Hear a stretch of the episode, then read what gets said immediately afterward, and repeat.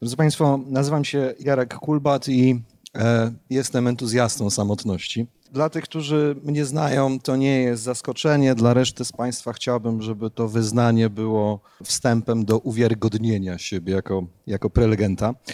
Ja się akurat cieszę, że jestem ostatni, bo tutaj pełnymi garściami rzeczywiście mogę nawiązywać do tych wystąpień, które pojawiły się wcześniej. Duży problem miałem rzeczywiście z jakby uzasadnieniem tego, że o samotności można mówić przyjmując tą perspektywę pożytków. Pani profesor tutaj jakby dość jasno pokazała, że pewne rodzaje samotności rzeczywiście mogą być dla nas pożyteczne i tutaj, tutaj chciałbym właśnie dzisiaj o tym e, powiedzieć troszkę dokładniej. Natomiast kiedy jakby zmagałem się z tym wyzwaniem, jak opowiedzieć o pożytkach, jak zacząć opowiadać o pożytkach samotności, e, rozmawiałem o tym ze znajomym, e, no mówi, no, no nie da rady, no skojarzenia z samotnością są dość jednoznaczne jak tutaj zacząć, jak, jak, jak pokazać to przejście od samotności do czegoś, co w samotności może być pozytywne. Na co ten znajomy, właśnie tak dyskutowaliśmy sobie na ten temat w drodze zresztą na to spotkanie, on mówi, a napisałbyś, że lubisz samotność w swoim profilu na portalu randkowym? Więc ja zachęcam Państwa do tego, żebyśmy spróbowali tutaj rzeczywiście stawić czoła tym skojarzeniom z samotnością, negatywnym skojarzeniom, które się tutaj wielokrotnie pojawiały, no i w których oczywiście coś jest. Chciałbym to zrobić w taki dość nieoczywisty sposób, prosząc Państwa o to, byście zastanowili się. Ja nie będę oczekiwał odpowiedzi publicznych. Chodzi o to, żebyście zapamiętali pierwszą rzecz, która Wam przychodzi do głowy. Ja nawiązuję tutaj do takiego projektu badawczego czy popularno-naukowego, może raczej, realizowanego kilka lat, kilka lat temu przez BBC. Oni to nazywają REST Test. To jest ankieta internetowa, w której do 2016 roku wzięło udział kilka tysięcy e, widzów. I ci widzowie, internauci, bo odpowiadali na ankietę internetową, zostali poproszeni o udzielenie odpowiedzi na pytanie, kiedy najlepiej odpoczywają. Okay? Ja teraz chciałbym w swoim imieniu zadać Państwu pytanie o aktywność, która sprawia, że naprawdę odpoczywacie. Mamy już tą aktywność? Gdybyście chcieli porządnie odpocząć, wiecie, co chcielibyście robić? No okej. Okay. Wyniki e, tego badania, z łatwością możecie je Państwo wykopać w internecie, są dość jednoznaczne. Trzy aktywności zyskały, znaczy badani mieli pewną listę, spośród której mogli wskazać trzy zachowania, które e, sprawiają, że odpoczywają najbardziej efektywnie. Powyżej 50% w tej ankiecie uzyskały trzy aktywności. Pierwsza z nich to samotny kontakt z naturą. Druga z nich to czytanie. Trzecia to pozostawanie w samotności. Ja od razu powiem, że spotkania z przyjaciółmi i znajomymi zyskały akceptację jedynie 25% respondentów. Ja zwracam uwagę, że oni mogli zaznaczać trzy odpowiedzi, więc to pokazuje, ja powiem tak, spotkania ze znajomymi, okay, czyli nie bycie samotnym, wyprzedzało wzięcie gorącego prysznica, oglądanie telewizji, marzenia, wypicie kawy lub herbaty. Spędzanie czasu z innymi ludźmi okay, poprzedzone było przez aktywności, które są dość jednoznacznie i w oczywisty sposób e, aktywnościami e, samotniczymi, tak bym powiedział. Zwracam na to uwagę, dlatego że jak się na to, jak spojrzeć na tą samotność z tej właśnie perspektywy, pani profesor nazwała tą samotność epizodyczną. Ja o tej samotności e, raczej mówię, czy myślę mikrosamotność, okay? bo to są te momenty, kiedy jesteś sam.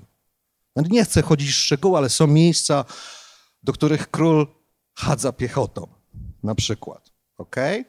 Są e, takie miejsca, w których chcemy, czy momenty, w których chcemy być sami. Są zresztą badania, które pokazują, że jak Państwo byście zaczęli liczyć te aktywności, to średnio wychodzi, że mniej więcej przez trzy godziny dziennie aktywnego czasu, nie mówię tutaj o śnie, e, jesteś sam. To znaczy robisz rzeczy w samotności. Samotność zatem inaczej, mikrosamotność albo samotność epizotyczna jest integralnym elementem naszego funkcjonowania. Okej, okay. przekonałem, że coś pozytywnego jest w samotności? Jeszcze nie, dobra. Tak naprawdę moja przygoda z samotnością, znaczy zaczęła się w momencie urodzenia. Zwracam tutaj uwagę na te wątki osobowościowe, na które pani profesor zwracała uwagę i to jest, można powiedzieć, rodzaj powikłania, jak sądzę. Ta preferencja dla samotności jest rodzajem takiego temperamentalnego czy osobowościowego e, powikłania. Natomiast moje poważne zainteresowanie samotnością ma, ja bym powiedział, naturę biznesowo-konsultingową. Już kilka lat temu e, jedna z moich studentek, pracująca zawodowo w pewnej firmie, której nazwa tutaj nie padnie, bo nie ma takiej potrzeby, poprosiła mnie o zorganizowanie czy zaprojektowanie rodzaju interwencji psychologicznej związanej no, z pewnymi perturbacjami, które w tej firmie, że tak powiem, miały miejsce. Ta studentka była w tej firmie dość wysoko postawioną osobą, kierowała działem marketingu, także jakby była w ogniu. Znaczy, na czym polegał problem? Znaczy, firma nie jest duża, ale niezwykle prężnie rozwijająca się. To jest e, deweloper budowlany, więc projekty z rozmachem, dużo się dzieje naprawdę.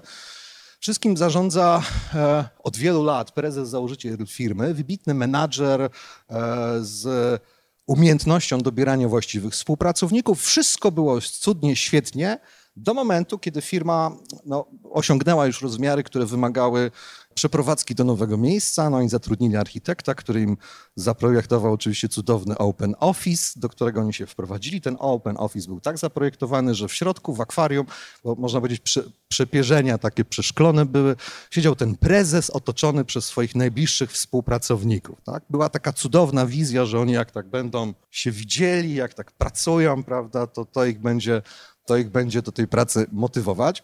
Problem jednak pojawił się wtedy, że e, znaczy w tym momencie, kiedy oni się wprowadzili do tego biura, zaczęli się w nim już aklimatyzować, zaczęły się pojawiać problemy. Problemy na linii prezes, współpracownicy. Ten prezes, z którym kiedyś, można powiedzieć, można się było dogadać, prezes, który nagle e, okazuje się być prezesem kłótliwym, czepliwym, prezesem, który nie jest w stanie ze współpracownikami odtworzyć, można powiedzieć, tej komunikacji sprzed przeprowadzki. No i pamiętam, że kiedy zorganizowaliśmy taki warsztat właśnie, bo tam pierwsze, pierwsze skojarzenie było takie, że no, jakieś tam problemy komunikacyjne się pojawiły, trzeba je spróbować przepracować. No i tak naprawdę, można powiedzieć, jak ten warsztat się rozpoczął, to znaczy dla mnie może nie tyle jasne, bo nie mówię o, te, o tym w kategoriach diagnozy psychologicznej, broń Boże, ale dość oczywiste, jasne było, że prezes pomimo swoich wybitnych kompetencji menedżerskich ma pewien e, dość oczywisty deficyt. Ten deficyt nazywa się lęk społeczny. W sytuacji, w której on występował w pół dystansie ze swoimi współpracownikami, to nagle okazywało się, że wiecie, brakło mu języka, jak to się mówi, w gębie. Drżały doświadczonemu menadżerowi kolana. Jak później rozmawiałem z innymi współpracownikami, to oni zwrócili uwagę na to, że jak jest doroczne spotkanie w firmie, to wszyscy się boją, e, co prezes tym razem wywinie. Bo to w czasie tych spotkań prezes wychodził i raportował o tym, co działo się w ciągu ostatniego roku. I tam różne akcje były takie. Raz zasłab, raz oddał kartkę wiceprezesowi, żeby ten wiceprezes odczytał to, co się wydarzyło. I to wszystko ułożyło się w pewną historię. Rzeczywiście, można powiedzieć, człowieka, który do funkcjonowania w organizacji potrzebuje samotności. E, we wcześniejszej lokalizacji on miał swoje biuro. Tu też miał swoje biuro, ale biuro, które było na widoku. To, co zrobiliśmy, zresztą wariant też zastosowany na wydziale, to okleiliśmy te e, szklane, w pełni przezierne ściany taką folią, która sprawiła, że stały się one mleczne. Prezes zyskał prywatność. Prezes odzyskał spokój ducha. Dla potrzeb tego projektu, kiedy zastanawiałem się nad tym, co można zrobić, żeby poprawić funkcjonowanie tej organizacji, dokonałem przeglądu literatury dotyczącej właśnie takich, ja bym powiedział, społecznych wątków czy kontekstów e, samotności. Zwróćmy bowiem uwagę na to, że można powiedzieć, nawet wtedy, kiedy jesteśmy samotni w tym fizycznym sensie, nie ma wokół nas ludzi, no to ci ludzie nie znikają z naszego, e, nie znikają z naszego umysłu. Ta perspektywa, którą chciałbym Państwu tutaj zaprezentować, to jest perspektywa no, dziedzinę psychologii, która mnie osobiście jest najbliższa, czyli, czyli e, psychologii e, społecznej. Taka prosta typologia e, sformułowana przez Christophera Longa i Jamesa Averilla to jest typologia, w której oni pokazują pozytywne konsekwencje samotności dla funkcjonowania jednostki, nawiązując czy odwołując się do pewnych mechanizmów, które w psychologii społecznej są dość dobrze opisane tych e, sześć implikacji, które tutaj y, omówimy, ta kolejność nie jest kolejnością przypadkową. Znaczy w związku z tym, że można powiedzieć pewne korzyści, które dzięki byciu samotnym zyskujemy, sprawiają, że możliwe są kolejne korzyści. Okay? Pierwsza z nich no to, to wyciszenie. Chodzi tutaj najogólniej rzecz ujmując, Sławek o tym opowiadał, o redukcję nadmiaru informacji. Okay? Tutaj chodzi o, czy Sławek mówił o, o bitach, ja będę mówił raczej o ludziach. Inni ludzie wokół nas są źródłem stymulacji. Powodów, dla których porusza nas obecność innych ludzi. Zresztą zjawisko w psychologii no, dość dobrze opisane, jeszcze o nim będę mówił e, nieco później. Jest przynajmniej kilka. Znaczy, można tutaj wskazać e, na perspektywę no, socjobiologiczną. Robert Zając, wybitny amerykański psycholog, zwraca uwagę na to, zresztą to też dzisiaj o tym było mowa, człowiek jest istotą społeczną. Bycie istotą społeczną wymaga koordynowania swoich działań z innymi istotami społecznymi. Dlaczego? No bo żyjemy w pewnych grupach. Możecie się o tym łatwo przekonać za chwilę, jak będziecie w grupie wychodzić, jak będziecie efektywnie próbowali opuścić salę. Ok? Więc trzeba koordynować działania. Obecność innych ludzi wymusza na nas konieczność monitorowania aktywności innych. Państwo się do mnie miło uśmiechacie, twarze rozluźnione, choć pora późna. Nie widzę na waszych twarzach przerażenia. Gdybym je zobaczył, to mógłbym podejrzewać, że albo ze mną coś jest nie tak, albo za mną coś się dzieje. Rozumiecie? Wasze zachowanie jest dla mnie wskazówką odnośnie tego, jak powinienem się zachowywać według zająca. Robert Baron z kolei, inny amerykański psycholog, zwraca uwagę na to, że obecność innych ludzi jest źródłem stymulacji o charakterze dystraktora.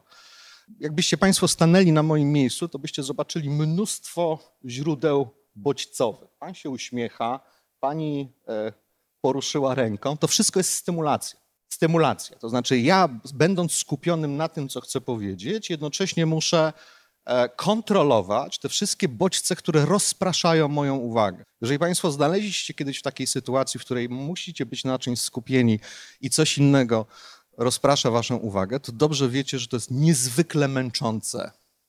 To jest niezwykle męczące. Trzeci powód, który moglibyśmy wskazać, uzasadniający poszukiwanie wyciszenia w samotności, uciekanie, znaczy uciekanie od ludzi to nie, to wprowadzamy już taką e, terminologię czy narrację. Nie, nie, nie uciekamy. E, trzymania się może od ludzi na pewną odległość. Sformułowana, hipoteza sformułowana przez Nikolasa Cottrella to jest lęk przed oceną. Czasem w literaturze opisuje się ten efekt, to jest być może mniej naukowa, ale bardziej spektakularna nazwa. Nazywa się to Spotlight Effect.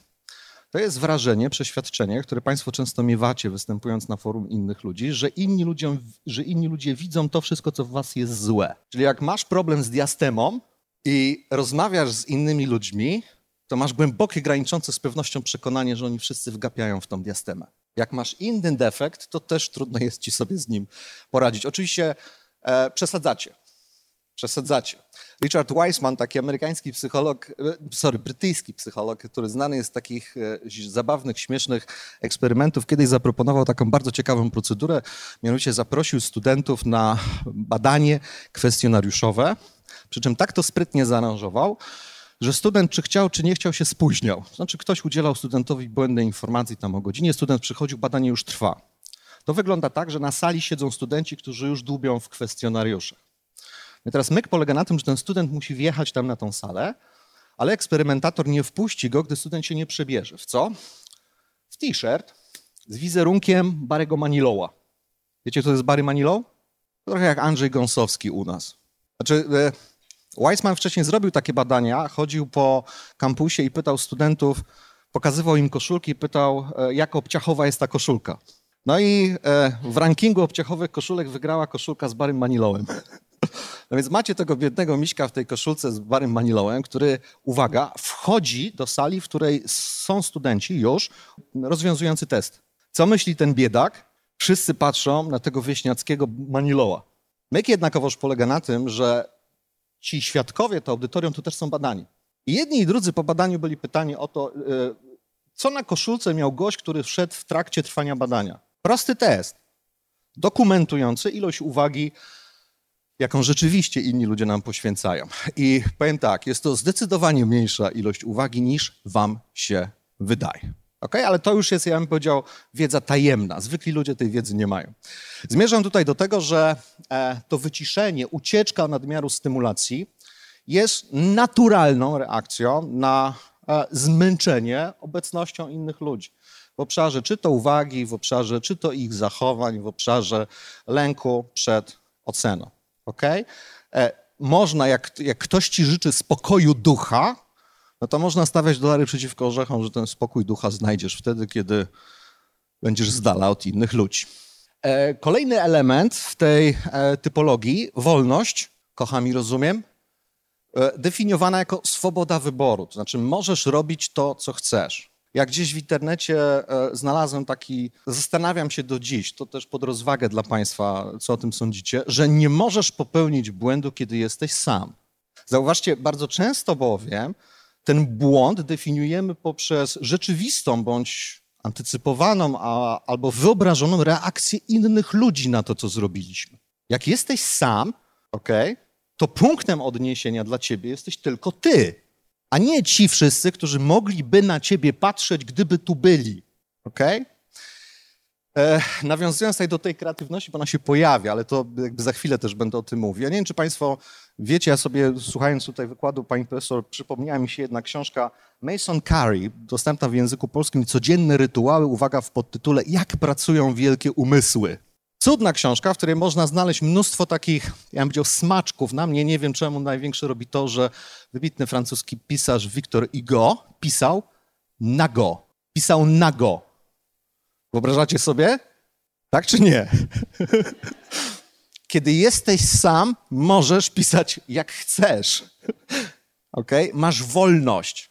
I teraz, jeżeli masz zasoby, które, że tak powiem, e, mogą być wykorzystane do tego, żeby wybierać aktywność, która ci pasuje, tak? Są pewne rzeczy, których nie zrobimy przy innych ludziach, ok? To to jest właśnie Kolejna korzyść z samotności. Wolność, swoboda wyboru. Jeśli doświadczasz ograniczenia swobody wyboru w życiu społecznym, to samotność to jest ten czas, kiedy możesz to poczucie kontroli odzyskać.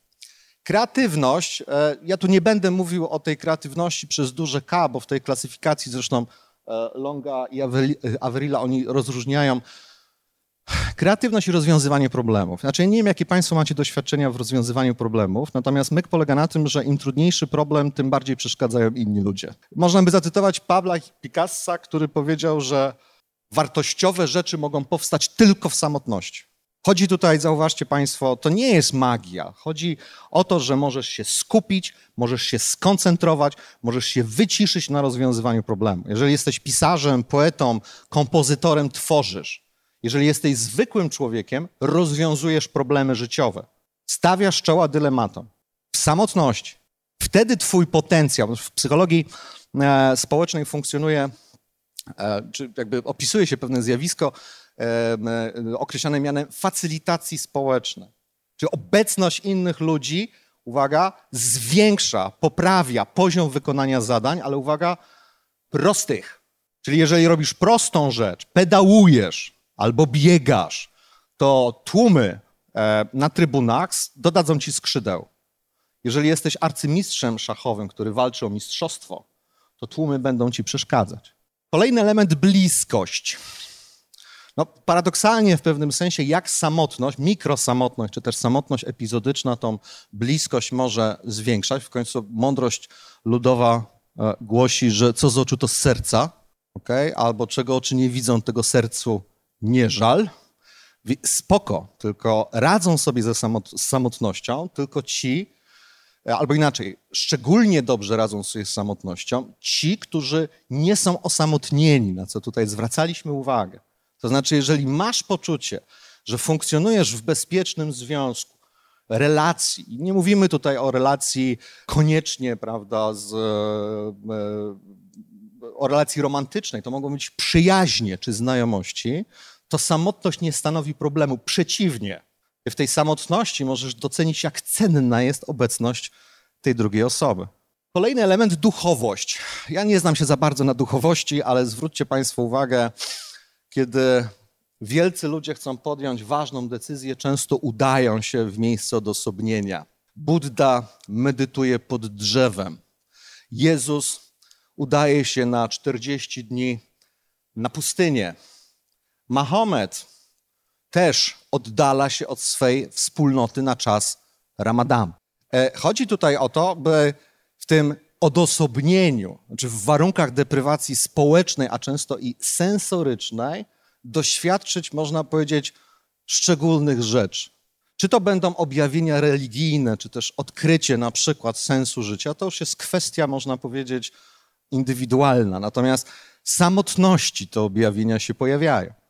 W samotności e, raczej niż wśród ludzi należy ich oczekiwać. Wreszcie ostatni element.